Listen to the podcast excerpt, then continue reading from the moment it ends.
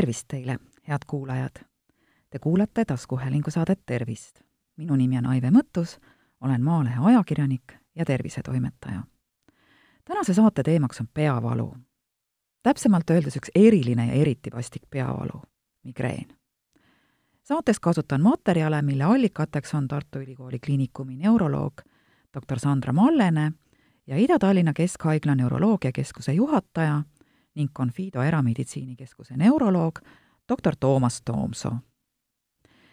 ehkki migreen hoiab maailma krooniliste haiguste edetabelis kõrget kolmandat kohta, ei tunne inimesed seda pahatihti ära ega näe ka vajadust arsti poole pöördumiseks. üks peamisi põhjuseid, miks migreeni korral ikka ja jälle kiirabi kutsutakse selle asemel, et neuroloogi vastuvõtule minna, on just teadmatus. migreeni lihtsalt ei tunta ära arvatakse, et tegemist on pingepeavaluga. tegelikult on umbes kahtteist protsenti maailma rahvastikust kimbutaval ajuhaigusel üsna iseloomulikud ja äratuntavad tunnused. tähele tuleks panna nelja olulist asja. esiteks, valu haarab enamasti ühe pea poole. see on pulseeriva iseloomuga, mõõdukas kuni tugev ning süveneb füüsilisel koormusel. lisaks kaasnevad peavalule iiveldus ja oksendamine või valgus- ja helikartus. migreenile võivad eelneda või järgneda ka tajuhäired ehk haurad. kõige sagedamini on nendeks nägemishäired. näiteks vaatevälja värisemine, siksakiline nägemine või valguse sähvatused. võib tekkida ka ühepoolne tundlikkuse häire, väga harva ühepoolne lihaste jõuetus ja kõnehäired migreeni esineb naistel kaks kuni kolm korda sagedamini kui meestel. naiste migreeniatakid on pikema kestusega ja peavalud taas tekivad neil sagedamini. on teada, et igapäevane toimetulek ja elukvaliteet on naistel migreenihoogude ajal kehvem ja taastumisperiood pikem, mistõttu naiste migreen on saanud suuremat tähelepanu kui meeste oma. see aga ei tähenda, et meestel migreeni ei esineks. pigem on see neil aladiagnoositud tänapäeval on migreeni tekkepõhjustele palju lähemale jõutud kui varem. usutakse, et need on tingitud sügaval ajus toimuvatest muutustest ning migreen on aju reaktsioon ärritusele, mis tekib välistest, aga ka veel teadmata mõjuteguritest aju enda poolt. migreen jaotatakse enamasti kaheks. niinimetatud tavaline migreen ja klassikaline ehk auraga migreen. mõlemal vormil on ühiseid tunnuseid kuid auraga migreeni korral lisanduvad enne peavalu kas nägemis- või kõnehäired, tundlikkuse häired jäsemetes või näos, enamasti siis ühepoolselt, ja lihasnõrkus. auraga migreeni korral võib olla ka suurem veresoonkonna haiguste tekkimise risk. enamasti küll naistel, aga viimased uuringud näitavad, et see oht varitseb ka mehi. teadustöödes on leitud, et migreeni all kannatavatel naistel võib olla kuni kolmkümmend seitse meestel aga umbes kolmkümmend neli migreeniatakki aastas. ja seda on tegelikult ju päris palju, eks ole. küsimus, miks naistel on migreeni rohkem, püsib meditsiiniteaduses endiselt õhus, aga arvatakse, et suur mõju on naissugu hormoonidel. kõige sagedamini tekib migreen nii naistel kui meestel kolmekümnenda, kolmekümne üheksanda eluaasta vahel kuni puberteediaani esineb äh, seda haigust tüdrukutel ja poistel võrdselt edasi hakkab aga kasvama sooline erinevus. näiteks kolmeteistkümne, viieteistkümne aastastest neidudest kannatab migreeni all kuus koma neli protsenti ja noormeestest neli protsenti. kõrghetke saavutab migreeni esimene kolmekümnendatel eluaastatel ning pärast neljakümnendat eluaastat hakkab see vaikselt langema, jäädes naistel siiski sagedasemaks tervisehäireks kui meestel on huvitav, et pärast viiekümnendasse eluaastasse jõudmist peaks migreen taanduma kuid uuemad uuringud näitavad siiski, et selles vanuses naistel võib tekkida nii-öelda teine migreenilaine. doktor Toomsoo sõnul vaevavad migreeniga kaasnevad seisundid, näiteks astma, ärevusdepressioon, nii mehi kui ka naisi. naiste peavalud kestavad pikemalt ja on olemuselt raskevad. samuti on neil enam kaasuvaid sümptome, valgust ja helikartust, iiveldustunnet, naha hellaks muutumist ka on migreeni põhjustatud elukvaliteedi langus naistel suurem. Nemad jäävad tõvevoodisse rohkem. mehed seevastu lähevad peavaluga tööle. paraku on ka leitud, et pärast kolmekümnendat eluaastat võib õrnemasoo migreeni kestus pikeneda ja kulgeda intensiivsemalt, samal ajal kui meeste peavalu püsib ühetaolisena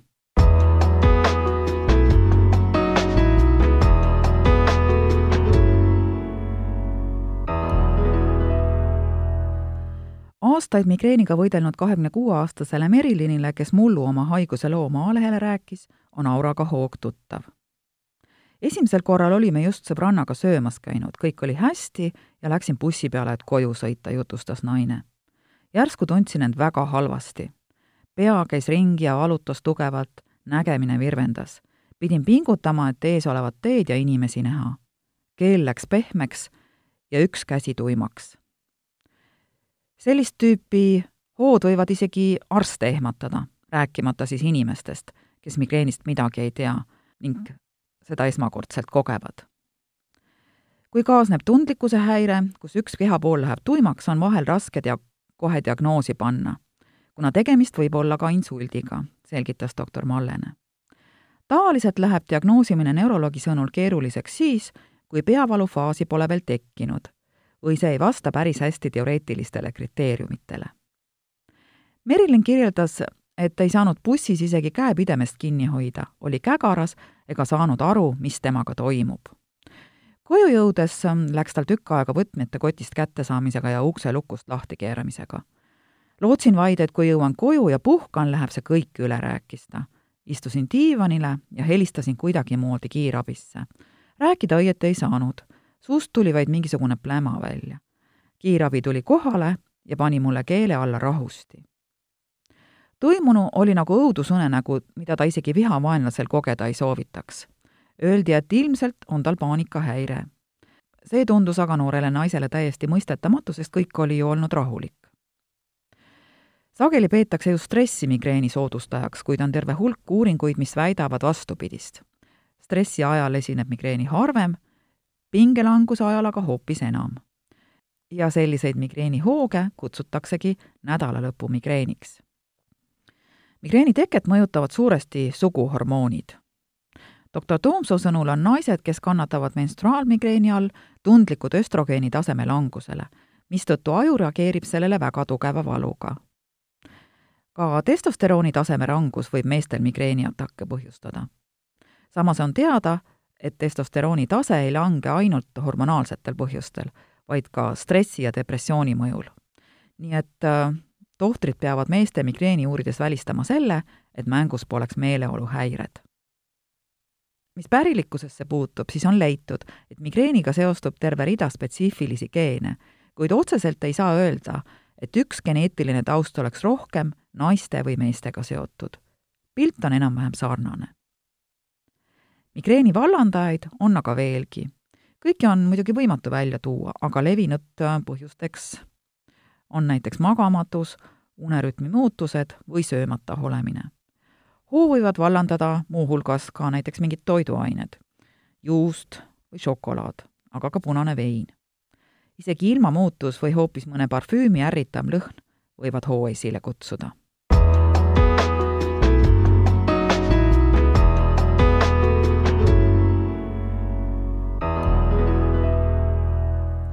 veel paar sajandit tagasi peeti migreeni vaimuhaiguseks, inimene pandi hullumajja ning talle puuriti pähe auk, et kurje maime välja ajada.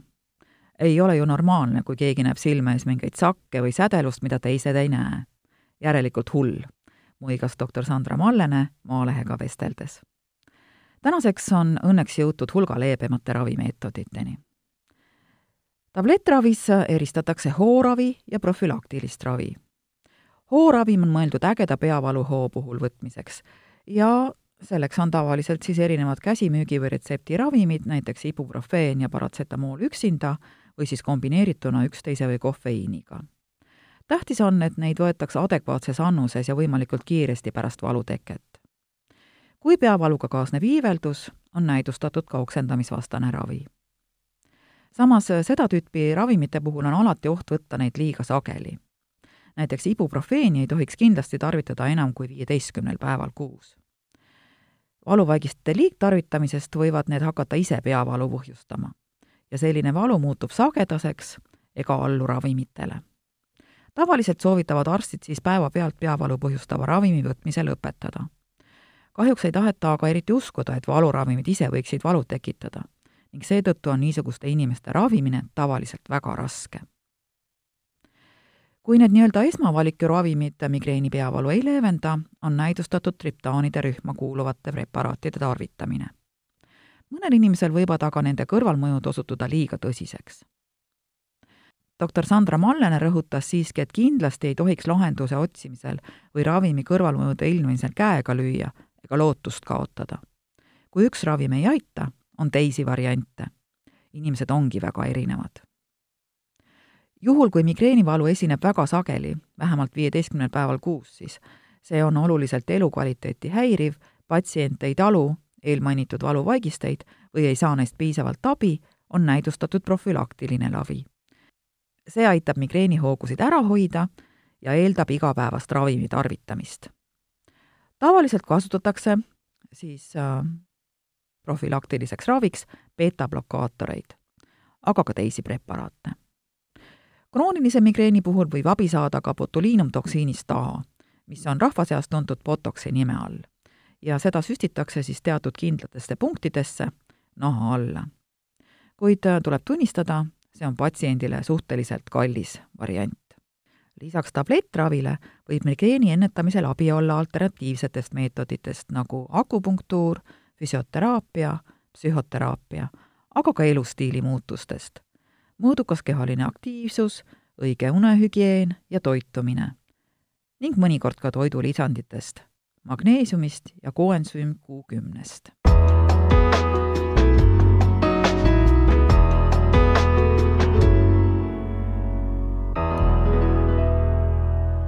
saate lõpetuseks võtan räägitu lühidalt kokku. migreen on üks tavalisemaid peavalutüüpe, mille põhiline sümptom on pulseeriv, tihti ühepoolne episoodiline valu, millega kaasneb sageli iiveslustunne. migreenihood on veresoonte ja närvide viis reageerida välisele ärritusele. sageli võivad selle esile kutsuda stress või stressi leevenemine, söömatus, magamatus, aga ka ilmamuutus, valgus erinevad lõhnad, sigaretisuits, alkohol ja mõned toiduained, nagu näiteks juust, pähklid, maks, kofeiini sisaldavad joogid, suitsutatud ja marineeritud kala ning liha. migreeni uuritakse küll väga palju, aga selle tekkepõhjust ei osata täna siiski väga täpselt selgitada. arvatavasti on see seotud sügaval ajus tekkiva ja ajukoorel edasi leviva erutus- ja pidurduslainega, millele järgnevad muutused ajuveresoonte toonuses peavalu põhjustab peapiirkonna arterite laienemine ja valu vahendavate kehaomaste ühendite hulga suurenemine veresoonte ümbruses. Migreen on sageli pärilik ja livib äh, pigem naisliini pidi. Eestis kannatab migreeni all umbes kümme protsenti elanikkonnast. migreeni lähenemist on võimalik ära tunda sageli võib umbes kakskümmend neli tundi enne hoo tulekut esineda närvilisust, meeleolu langust või siis vastupidi, eufooriat. teravneb häälte ja lõhnade tajumine, suureneb magusaisu ja sageneb haigutamine.